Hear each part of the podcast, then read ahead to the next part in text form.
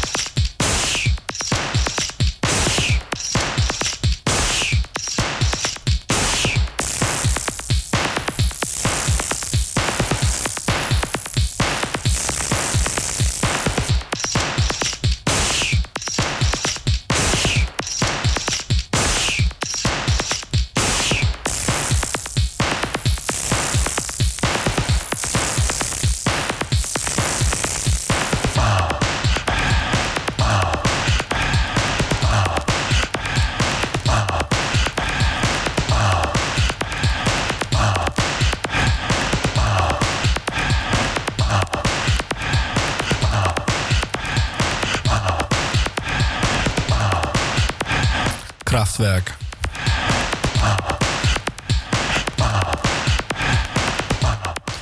Tour de France. That's like 30, 35, 40 years ago, something like that. Absolutely mad. Um, they were one of the headlines at Best Kept Secret Festival this last uh, this past weekend. They did the full 3D show and handed out 25,000 3D glasses for the audience to be able to enjoy. I'm not really sh- quite sure how a 3D show is going to work out in the open air, but uh, I guess if it's late enough at night and you stand in the right parts of um, the festival field, you should be all right. Uh, before that, I played you the Nude Party Chevrolet van.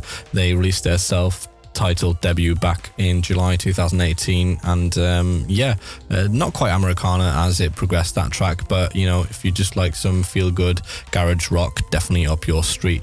What else have I got for you? Well um, like I said there's a, a preview for Pink Pop coming up and uh, given the fact that, that this is this coming weekend uh, I can't really pass up on the chance of playing this little ditty. You know who I'm talking about you got to recognize this. It's not Sophie Ellis Bextor. It could very well be, but it's uh, the original Jamiroquai Cosmic Girl. We'll be right back. This is Scratch Radio.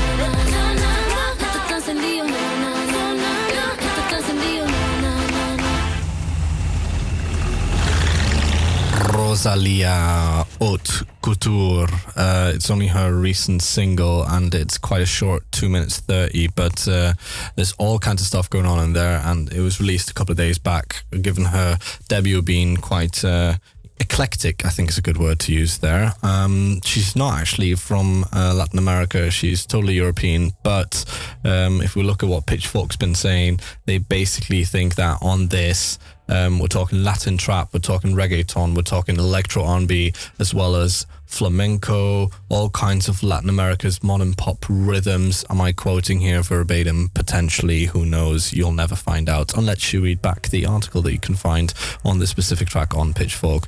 I have no shame when it comes to that. I just think it's a really nice one to play out there, and uh, you know, it's it's a brief uh, dancehall hit that you can just throw out there and then move on to the next track, which is exactly what I'll be doing now. I was already talking about Pink Pop before, and I'll be talking about it a little bit more now. Uh, why is that? Well, there's legends playing. I'm not just talking about Jamiroquai before, but I'm also talking about these guys: Robert Smith, Just Like Heaven, The Cure.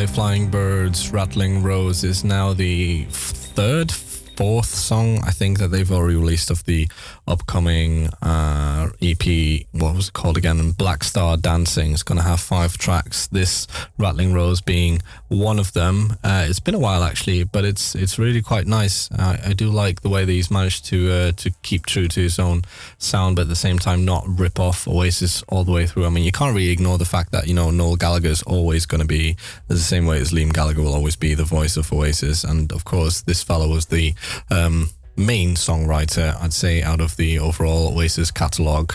But still, he's uh, you know he hasn't just taken the legacy and uh, gone for a run with it. Actually, I don't think either of them have. Liam Gallagher's recent album was also quite interesting and well. You know, just quintessential Gallagher, I guess.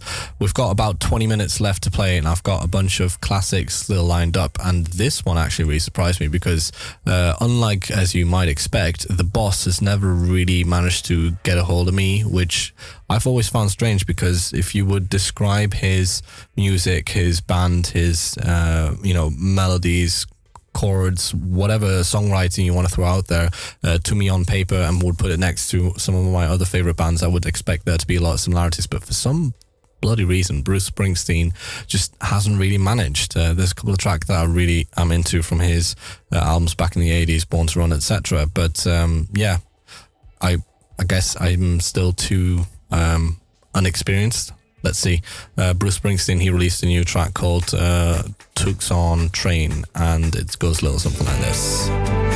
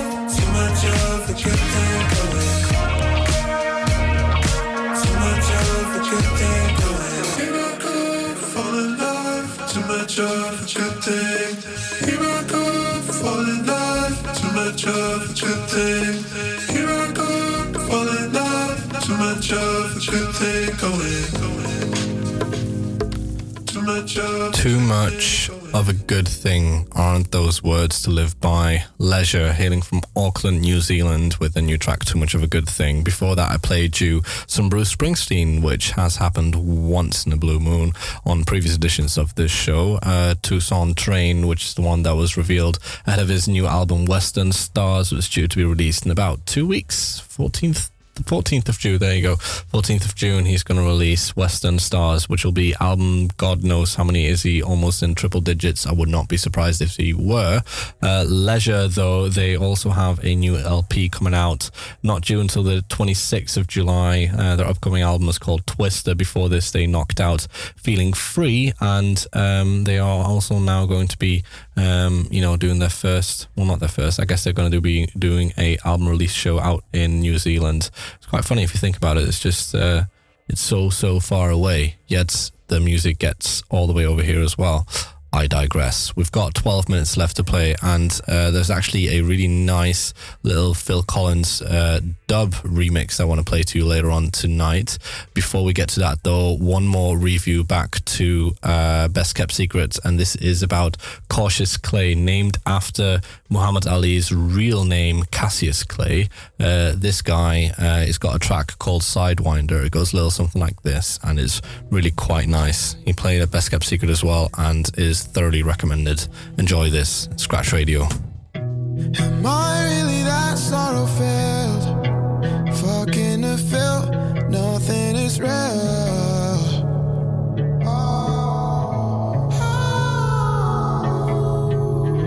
Said you had no discipline, savoring what passion was left mm, in my mind.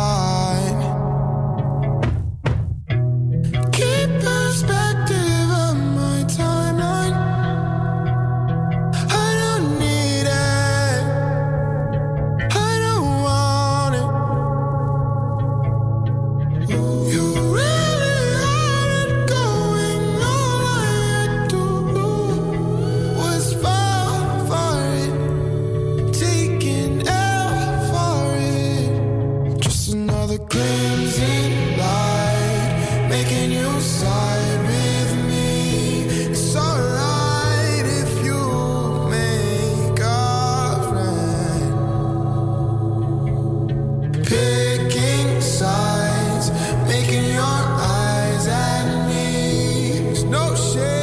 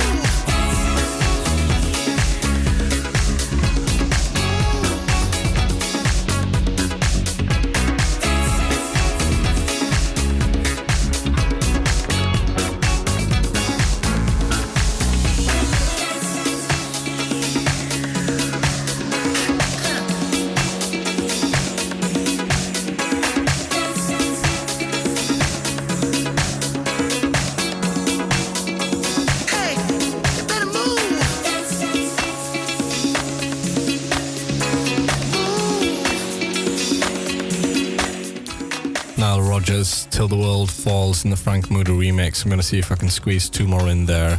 Next one you will definitely recognize. I'm talking about Fleetwood Mac's Dreams. They're going to be the headliners this coming Monday. It's just a week from now, actually, at Pinkpop.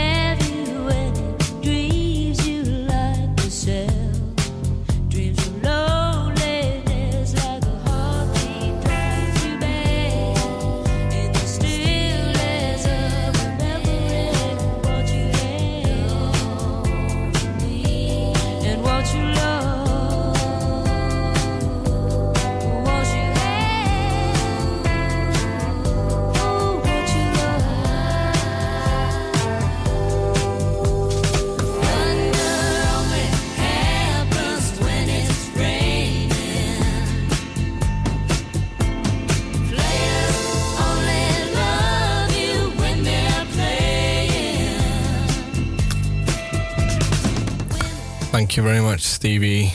That was it from me for tonight. Scratch Radio Edition number nine, I think, of this year, and we're almost halfway through. Can you believe that? Thank you very much for tuning in this coming weekend. I'll be spending it at Pinkpop listening to these gems The Cure, Jamiroquai, Elbow, Mumford and Sons, Armin van Buuren for some reason. I'm going to leave you tonight with this classic hailing from 1967 because it was recommended. Um, the Box Top, The Letter. Thank you very much for tuning in. This was Scratch Radio. Give me a ticket for an aeroplane. Ain't got time to take a fast train.